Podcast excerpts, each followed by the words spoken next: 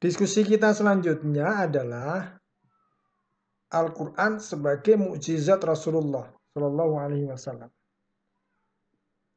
Mukjizat terbesar Rasulullah Shallallahu Alaihi Wasallam adalah Al-Quran, karena Al-Quran mengandung berbagai macam aspek yang sangat menakjubkan bagi orang yang membacanya, memahami, ya, dan menghayati apa yang terkandung dalam Al-Quran. Oleh karena itu, di antara mujizat-mujizat Rasulullah, maka Al-Quranlah yang paling besar dan pengaruhnya atau keberadaan Al-Quran itu sampai akhir zaman. Kalau mujizat-mujizat yang lain, nabi-nabi yang lain itu seketika itu dan tidak terulang kembali, tetapi Al-Quran merupakan mukjizat yang akan terus ada sepanjang zaman meskipun Rasulullah sudah wafat. Nah, dari aspek apa saja kemujizatan Al-Quran itu, ya, maka diskusi kita kali ini akan menyampaikan atau akan membahas tentang aspek-aspek yang terkait dengan kemujizatan Al-Quran. Yang pertama, dari aspek bahasa aspek bahasa dalam Al-Quran itu aspek yang penuh mukjizat. Karena berbeda sama sekali dengan bahasa Arab yang dituturkan oleh masyarakat Arab sehari-hari. Struktur bahasanya, pilihan-pilihan katanya, ya. kemudian kosakata-kosakata atau mufradat yang ada dalam Al-Quran itu kadang-kadang tidak ada di dalam bahasa tutur masyarakat Arab pada umumnya. Nah, oleh karena itu, dari sisi bahasa, Al-Quran menunjukkan tingkat ya, tingkat kemujizatan yang tinggi. Ya, di samping nanti struktur kata, kemudian huruf, ya, dan lain sebagainya. Misalnya alif lam mim itu tidak ada orang Arab mengucapkan alif lam mim gitu. Ya. Alif lam ro gitu nggak ada. Nah, Al-Quran memperkenalkan itu, itu sebagai kemukjizatan dan itu punya faidah yang luar biasa bagi zaman setelah Al-Quran diturunkan bahkan sampai sekarang ini. Belum dari sisi seninya, seni bahasa. Ketinggian seni dari bahasa, dalam bahasa. Pada waktu itu, pada waktu Al-Quran turun, ya karena ketika Rasul hidup di Mekah, Al-Quran turun itu berbentuk puisi, ya, berpuisi, berlanggam puisi. Nah, tingkat tingkat kehalusan dan ketinggian sastra dalam ayat-ayat Al-Qur'an ini luar biasa dan orang-orang tertantang untuk untuk apa namanya mengagumi bahkan bahkan me, bagi orang-orang kafir itu menolak dan menganggap itu sebagai zihir gitu ya. Tapi kemudian Al-Qur'an menantang siapa pun yang bisa menyusun satu ayat Al-Quran saja yang semisal dengan Al-Quran ketinggian sastranya dipersilahkan. Al-Quran begitu. Nah, ini yang pertama ya, aspek bahasa. Kemudian aspek yang kedua adalah isyarat tentang ilmu pengetahuan. Di dalam Al-Quran banyak sekali tercantum ayat-ayat yang merupakan isyarat munculnya memunculnya ilmu pengetahuan. Contoh misalnya Al-Quran mengatakan wa fi anfusikum afalatubsirun. Apakah di dalam diri kamu kamu tidak pernah memperhatikan apa yang ada di dalam diri kamu, dalam diri kita ini apa aja.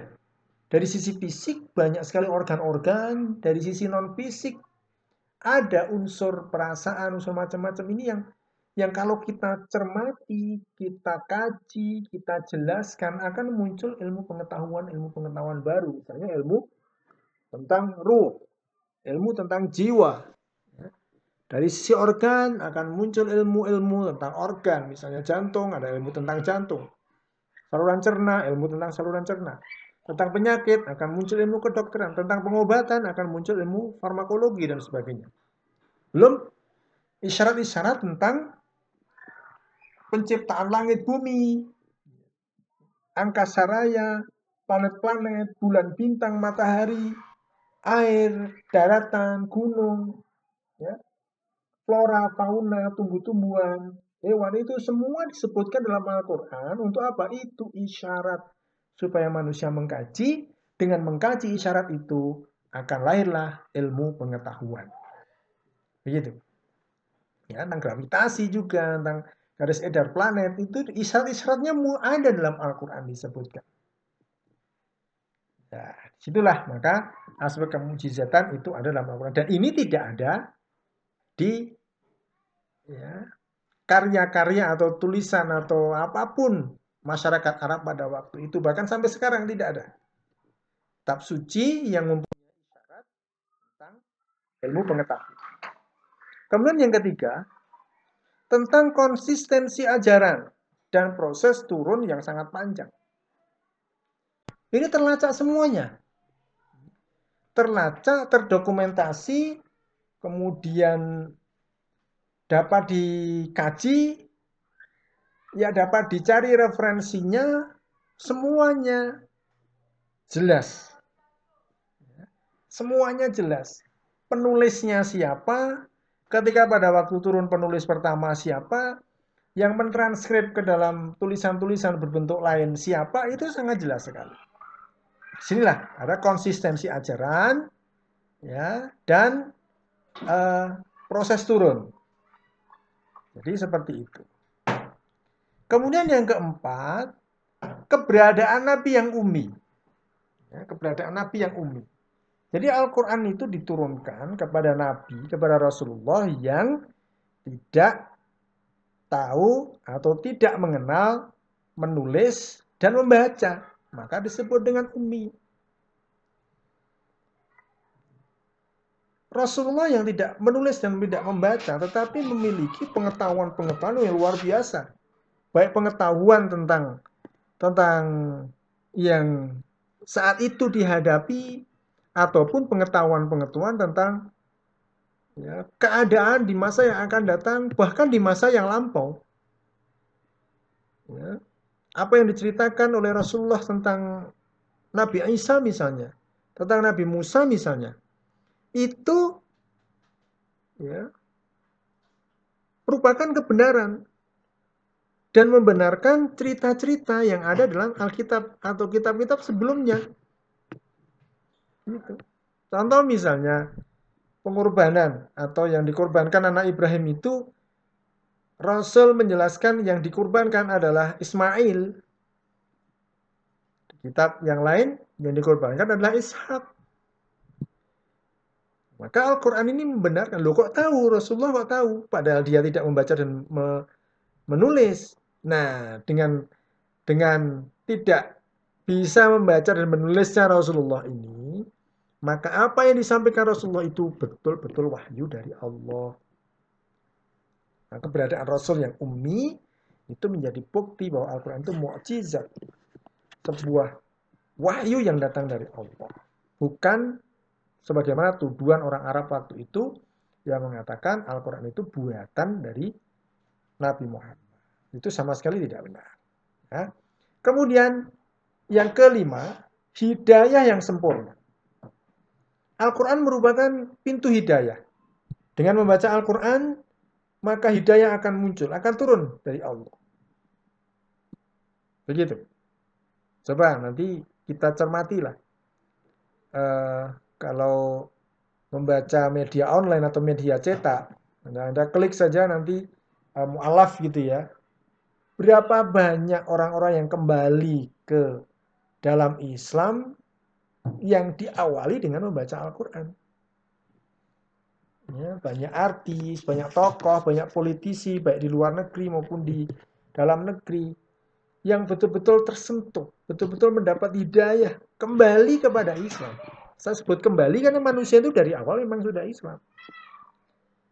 Sebelum lahir sudah Islam, begitu lahir sudah Islam. Dan proses sejarah itulah kemudian menjadikan uh, manusia itu tidak Islam ya, tidak Islam. Maka ketika ketika dia kondisinya dalam tidak Islam, kemudian tersentuh kembali membaca Al-Quran, dia kembali kepada Islam. Contoh banyaklah, saya nggak akan menyebut nama, misalnya ada tokoh kondang Indonesia ya, sangat kondang sekali sebagai ustadz maupun ustadzah. Dulunya dia sekolah di suatu sekolah agama tertentu gitu ya. Kemudian Ya, tadinya mempelajari Al-Quran itu memang ingin ingin ingin melihat kekurangan-kekurangan, tetapi begitu membuka Al-Quran dari kanan, ya, seperti membuka buku biasa itu, membuka buku itu dari dari kiri ya, maaf dari kiri maksudnya. Al-Quran ketika dibuka dari kiri itu kan ayat yang paling atas itu Al-Ikhlas. Ya. Huwallahu ahad. Karena di, dikira Al-Quran itu bukanya, bacanya dari kiri, padahal dari kanan. Nah, begitu dibuka, dibacalah Al-Ikhlas dengan terjemahan bahasa yang dia pahami. Apakah bahasa Inggris atau bahasa Latin atau bahasa apa yang dia pahami. Tersentuhlah itu. Yakinannya selama ini ter menimbulkan kegelisahan dan itulah hidayah di situ muncul dan masih banyak lagi yang lain-lain masih banyak lagi kesaksian-kesaksian yang diliput oleh media-media baik online maupun media Kemudian yang keenam, aspek mukjizat adalah aspek sejarah. Ya. Sejarah yang mengisahkan perjuangan dan ketabahan Rasulullah sebelum sebelum Nabi Muhammad. Ya, ketabahan para Rasul Allah sebelum Nabi Muhammad. Dijelaskan bagaimana Nuh, bagaimana Adam, bagaimana Idris, bagaimana uh, Ibrahim, bagaimana Musa, bagaimana Isa, bagaimana Yakub dan nabi-nabi lain yang diceritakan ketabahan dan perjuangannya di dalam menegakkan risalah Islam.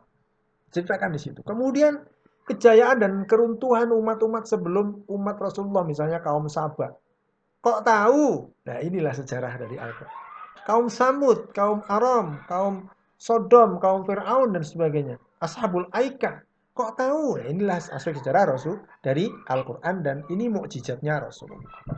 Baik. Kemudian komitmen Muslim terhadap Al-Quran. Ada empat ya.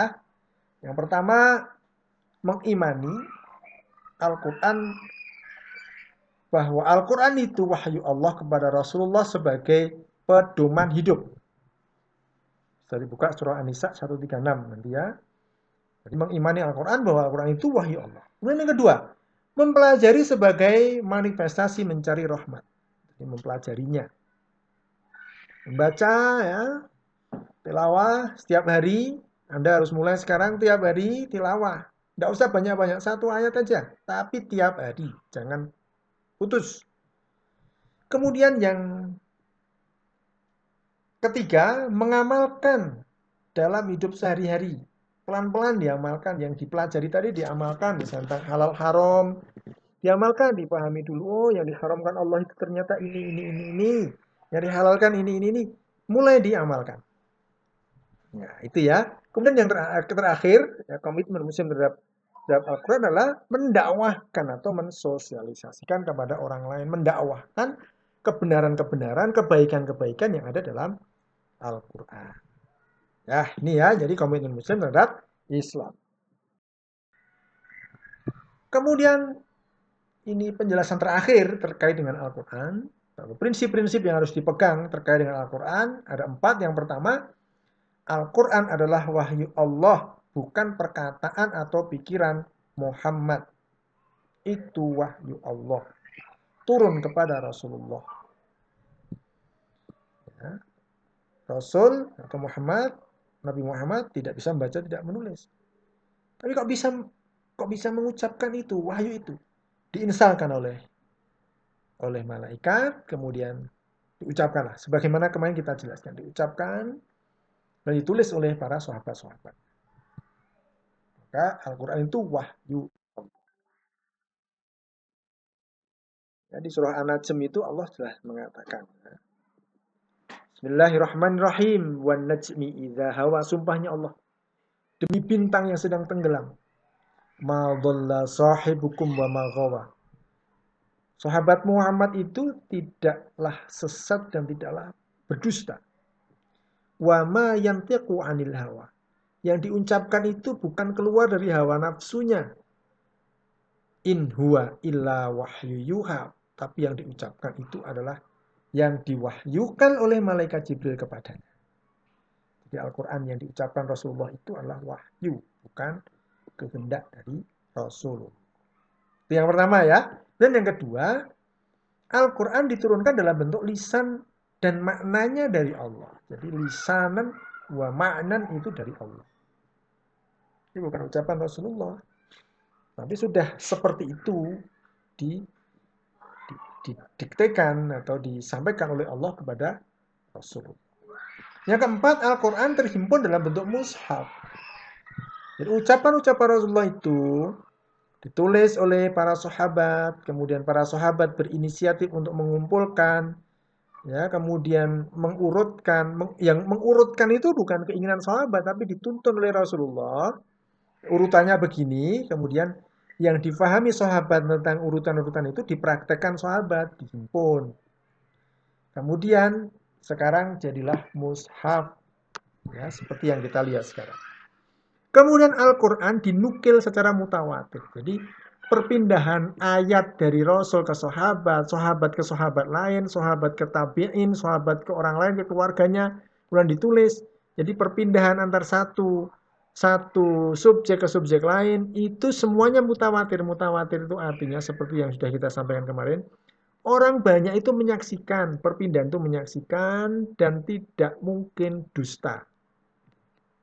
Karena kalau kalau menyampaikan sesuatu dan orang lain yang banyak menyaksikan kan tidak mungkin dusta. Kalau dusta pasti semuanya tahu, itu pasti dusta karena yang disampaikan itu orang lain juga tahu ayatnya. Misalnya Al-Fatihah. Al-Fatihah disampaikan Rasul kepada sahabat. Sahabat menyampaikan kepada orang lain lagi. Nah, orang lain yang menyaksikan sahabat-sahabat lain yang tidak tidak yang menyaksikan orang tadi itu hafal juga Al-Fatihah, maka bunyinya seperti itu, disampaikan juga seperti itu. Maka itulah yang namanya mutawatir. Baik, ini saya kira ya. Jadi kita tutup dulu. Jadi penjelasan-penjelasan ini seperti itu. Uh, semoga ini memberi manfaat dan nanti tolong didiskusikan dan di Eh, cari sumber-sumber uh, rujukannya sebagaimana yang sudah kita uh, sampaikan. Baik, terima kasih. Kita akhiri. Assalamualaikum warahmatullahi wabarakatuh.